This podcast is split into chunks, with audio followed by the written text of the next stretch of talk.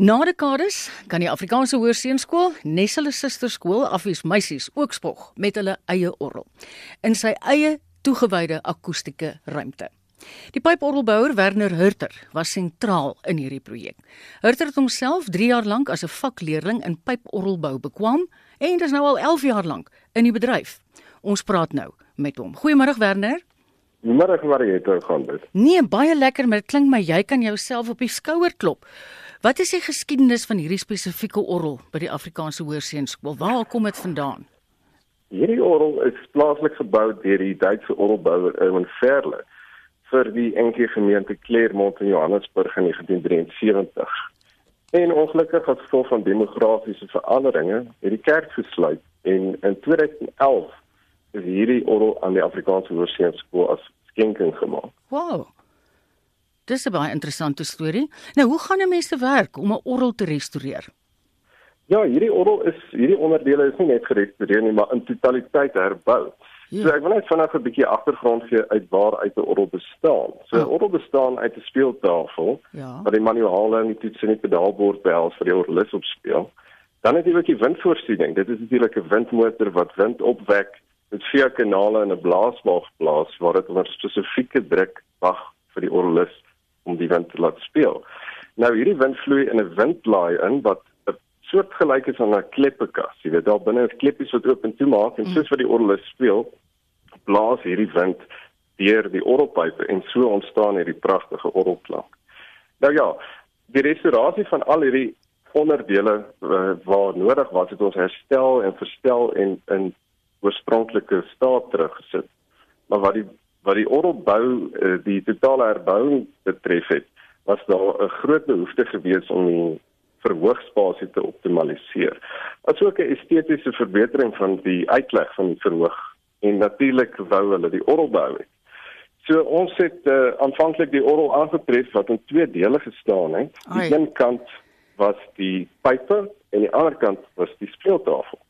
Nou dit is 'n bietjie lastig want as jy as orgelis sit en speel dan het jy nie 'n baie goeie indruk van die klank gekry nie. Ja. So ons het toe 'n 3D ontwerp voorberei en waarin ons aan die linkerkant van die skool verhoog hierdie pype en die speeltafel bymekaar opgestel het en ons het aan die regterkant 'n spieelbeeld van hierdie orgelontwerp gebou. Hy Ah. kyk uit. Ah. En in die middel het ons 'n verhoogde sade ontwerp en ons het simboliek uit die uh, jy weet inspirasie uit die skoolwal geneem om die simboliek van die son wat opkom Ah. daarin uit te beeld. So dit is nogal 'n groot proses en ons het 2 maande vooraf vervaardig aan hierdie nuwe affiebaadjie sou ek sê vir die orgel en die orgel is geheel in 3 weke geïnstalleer. Jo, dis vinnig.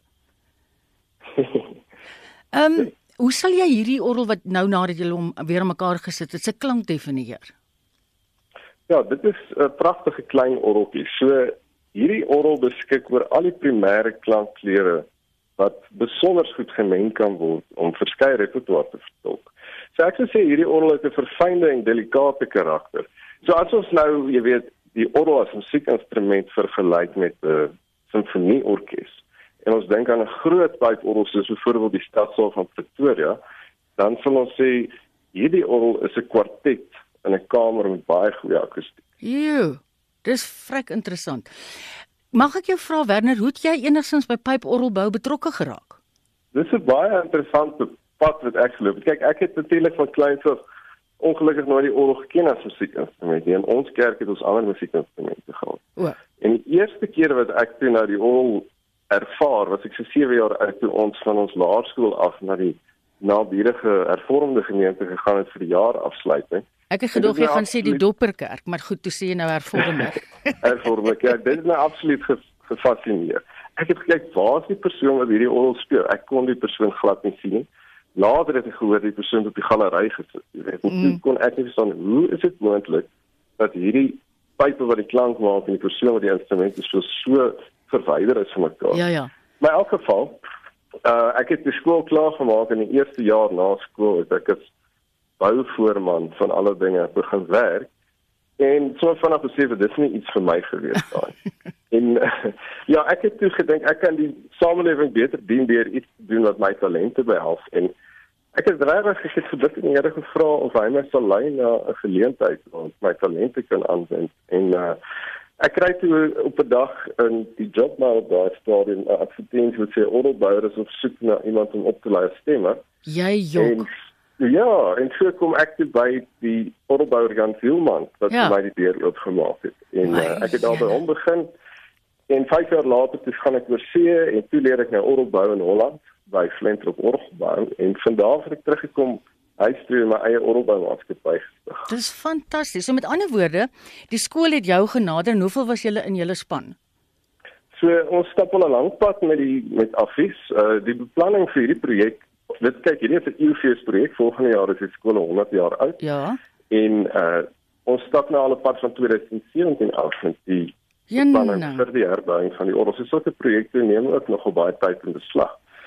So ons het van daardie tyd af al in detail sekere dinge bespreek ja. en op die einde van die dag was ons 'n relatiewe groot span gewees. As jy nou vat, ek het ook 'n uh, argitek betrek, uh, Emma Bregger wat self uit Afrika was om my te help in die verfyning van die ontwerp. So ons was so 9 mense in totaal gewees. Nee, ek moet julle op die skouer klop. Eerlikwaar, ek dink julle het 'n baie wonderlike ding gedoen. Dit was die pyporgelbouer Werner Hurter in Pretoria en ons het vir julle vroeër beloof.